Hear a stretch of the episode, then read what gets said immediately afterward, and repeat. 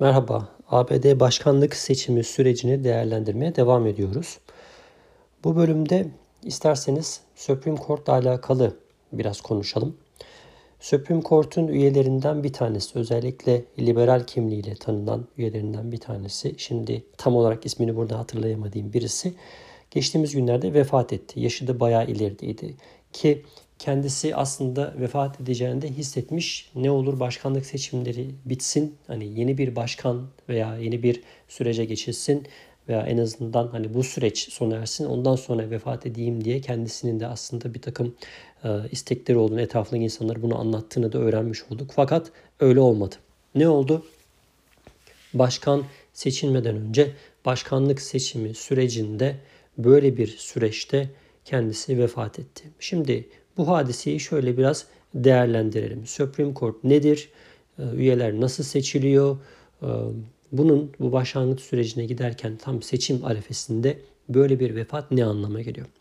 Evet biz aslında Supreme Court'u Türkçe'ye çevirdiğimiz zaman ABD'nin Anayasa Mahkemesi olarak değerlendirebiliriz. Şöyle ki 9 tane üyesi var. Bunlar e, hayatlarını bir şekilde hukuka adamış insanlar belli cenderelerden geçmişler, belli birikimleri var ve bu pozisyona ABD Başkanı tarafından atanıyorlar. Bununla alakalı çok haber çıktığı için biraz özet geçmek istiyorum ki özellikle ABD'deki hukuk sürecini veya anayasal süreci bilmeyenler için biraz özet niteliğinde olsun. Geçmişten bugüne kadar ABD başkanları bu e, Supreme Court'ları hep atamışlar. Ee, bununla alakalı tabii karar alırken kendi görüşlerine, kendi siyasi görüşlerine yakın insanları seçmeye çalışmışlar. Dolayısıyla bu seçimde de en son bu adayın yerini değiştirme durumu söz konusu olduğunda da ABD Başkanı Donald Trump'ın bir şekilde e, ağzı sulanarak onun yerine kendine yakın bir aday atamasını beklemek e, açıkçası bir sürpriz olmasa gerek. Şimdi burada şöyle bir detay var. Buna benzer bir hadise daha önce Obama sürecinde, Obama'nın başlangıç sürecinde de e, vuku buluyor. Şöyle oluyor. Tam yeni bir başlangıç seçimi, başkanlık seçimi yapılacağı zaman e, demokratlar buraya bir aday koyalım gibisinden bir girişimde bulunuyorlar. Fakat Republican Party, Republican Parti'nin kongre üyeleri buna şiddetle karşı çıkıyorlar. Başkanlık seçiminin hemen arefesinde yani böyle bir süreçte böyle bir adayın atanmasının e, demokrasiye darbe olacağını söylüyorlar. Tabii sonra nasıl gelişiyor hadiseler falan bunları tam detayıyla bilmiyorum. Muhtemelen olmuyor. E, bekliyorlar ve burada o dönem, o dönem e, yanılmıyorsam kongre Republican ağırlıklı olduğu için bu sözlerini e, hani kuvvetli bir şekilde e, hayata geçirebiliyorlar diyelim bu iddialarını. Şimdi ileri sarıyoruz. Başkan Trump dönemine geliyoruz ve aynı e, sahneyle, aynı senaryoyla karşı karşıya kalıyoruz. O zamanlar Republican içerisinden, e, Cumhuriyetçi Parti'nin içerisinden böyle bir sürece, böyle bir adayın belirlenmesine karşı çıkan e, kongre üyelerinden bir tanesi şu anda bu hareketi yani Başkan Trump'ın Supreme Court'a yeni bir e, judge yani e, hakim atamasını oldukça e, mantıklı buluyor ve tabii doğal olarak burada malum Demokrat Parti'ye yakın medya organları veryansın ediyor. Feryat figan bunun demokrasiye vurulacak çok büyük bir darbe olacağını söylüyorlar.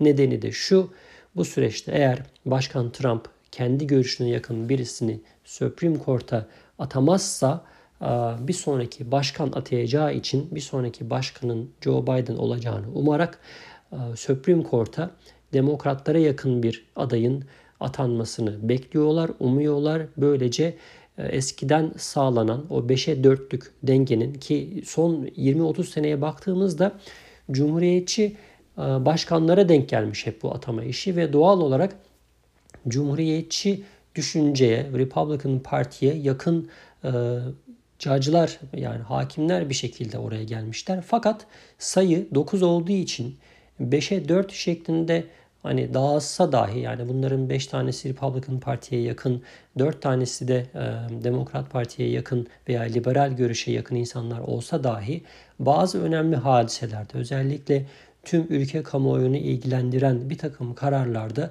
yeri geldiğinde bir takım negotiation dedikleri karşılıklı anlaşmaya giderek liberallerin lehine veya en azından aleyhine olmayacak kararların çıkmasını sağlamışlar e, bu görüşmelerde. Öyle bir tablo vardı. Fakat bu en son e, yapılacak atamayla eğer Başkan Trump ki kongreye gitmesi gerekiyor. Bu adayın adayını kendisi zaten açıkladı.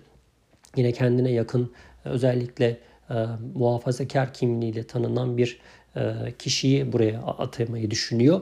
Eğer bu kongreden geçerse, kabul edilirse, adaylığı kesinleşirse 6'ya 3 şeklinde bu denge değişecek. Bu da Demokrat e, Parti'ye veya liberal düşünceye yakın hakimlerin Supreme Court'ta yani Anayasa Mahkemesi'nde yer alan bu görevli kimselerin 6'ya 3 şeklinde ezici bir çoğunluğa karşı maalesef seslerini çıkaramayacağı anlamına geliyor bu tabloda.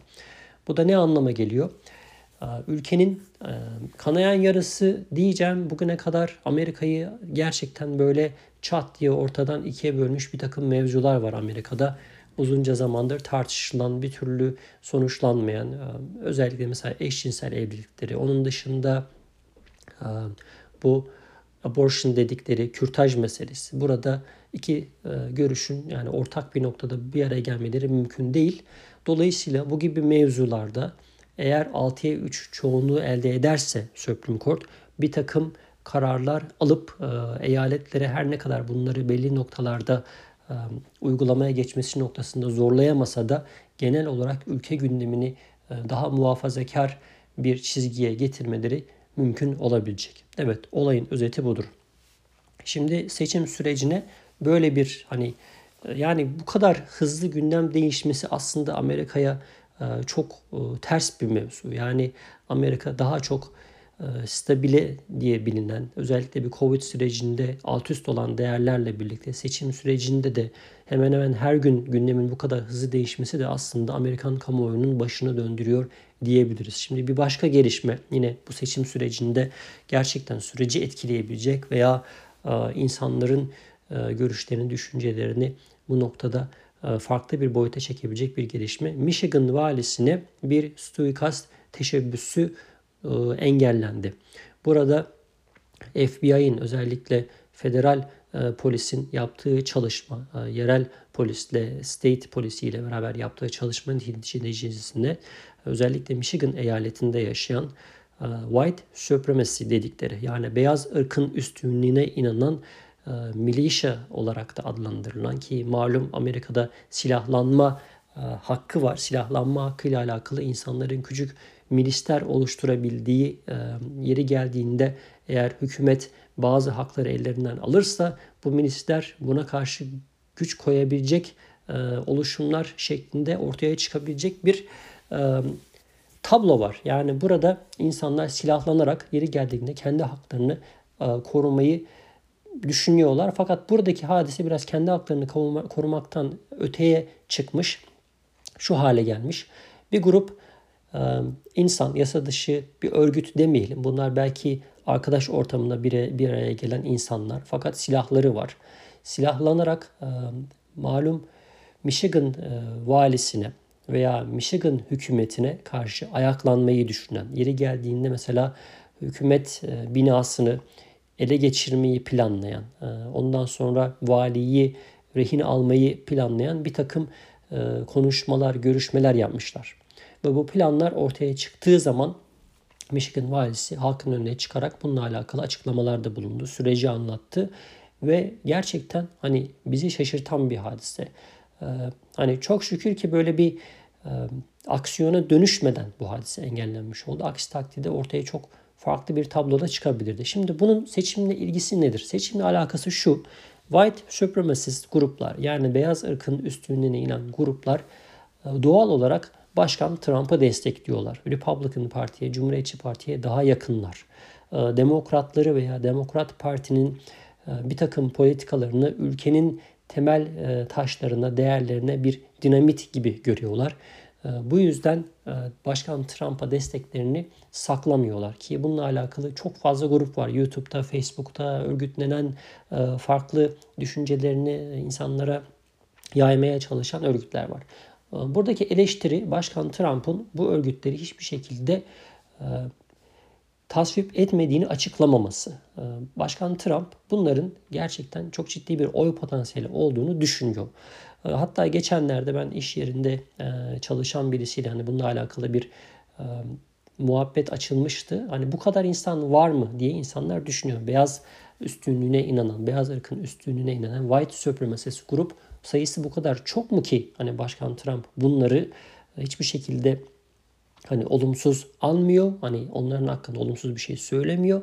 Aksine hani onları desteklemese de bunları birer oy e, potansiyeli gördüğü için onlara yakın veya onların hoşuna gelecek bir takım mesajlar vermeye devam ediyor. Her ne kadar yakın zamanda Beyaz Saray sözcüsü Başkan Trump e, White Supremacist grupları e, farklı ortamlarda çeşitli ifadeleriyle bir şekilde tasvip etmediğini açıklamıştır. Onu bu, grup, bu tip gruplarla bir arada tutmak haksızlıktır gibi ifadeleri bulunsa da Başkan Trump'ın kendi ifadeleri aslında böyle söylemiyor. Şimdi buradan e, başka bir hadiseye geçelim. Seçim sürecinin belki de en e, kritik e, kararlarından veya daha doğrusu şöyle söyleyeyim. Seçim sona erdiğinde, seçim günü bittiğinde ki seçim süreci bitmedi. Seçim süreci daha yeni başladı. İnsanlar oy kullanmaya başladılar. Şu anda early voting dedikleri erken oy kullanma süreci bazı eyaletlerde başladı. İnsanlar şu an gidip oylarını kullanıyorlar veya e, mektupla oy kullanma sistemi şu anda başladı. Bununla alakalı mektupla evinize oy kullanmak istiyor musunuz diye bir form geliyor. Formu dolduruyorsunuz. Ardından size oy pusulası geliyor. Oy pusulasını e, tercihlerinizi yapıyorsunuz ve bunlar belli merkezlere gidiyor. Onlar belli günlerde sayılacak. Bununla alakalı Pensilvanya hükümeti, yerel meclisi bir karar aldı. Hani yanılmıyorsam, hani doğru tercüme edebildiysem, dinlediğim, izlediğim haberlerden anladığım kadarıyla eğer bu oylar, mektupla kullanılan oylar belli tarihe kadar e, belli merkezlere ulaşmazsa o tarihten sonra hatta bunu seçim yani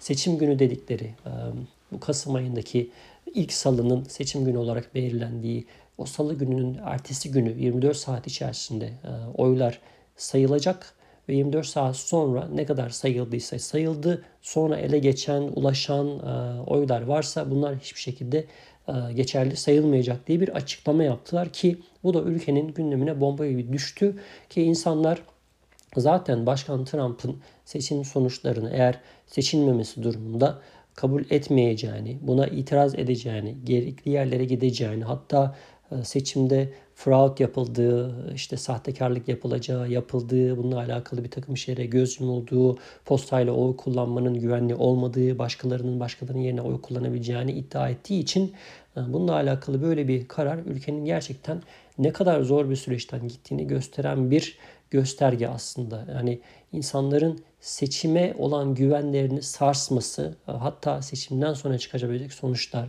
ki gördüğünüz gibi yani bir eyalet çıkıp o eyaletin meclisi, yerel hükümeti e, ülkenin e, başkanının belirleyecek bir seçimde ister istemez seçim sonuçlarını etkileyebilecek bir karara imza atabiliyor yerelden dahi olsa ve bunlar ciddi anlamda tartışmalara gebe olabilecek gibi gözüküyor. Evet. Şimdilik e, seçim gündemiyle alakalı söyleyeceklerim bunlar. Devam edeceğiz. E, çünkü gündem çok hızlı değişiyor. Bir aydan az bir süre kaldı demiştim. Bakalım önümüzdeki günler ne gibi gelişmelere gebe.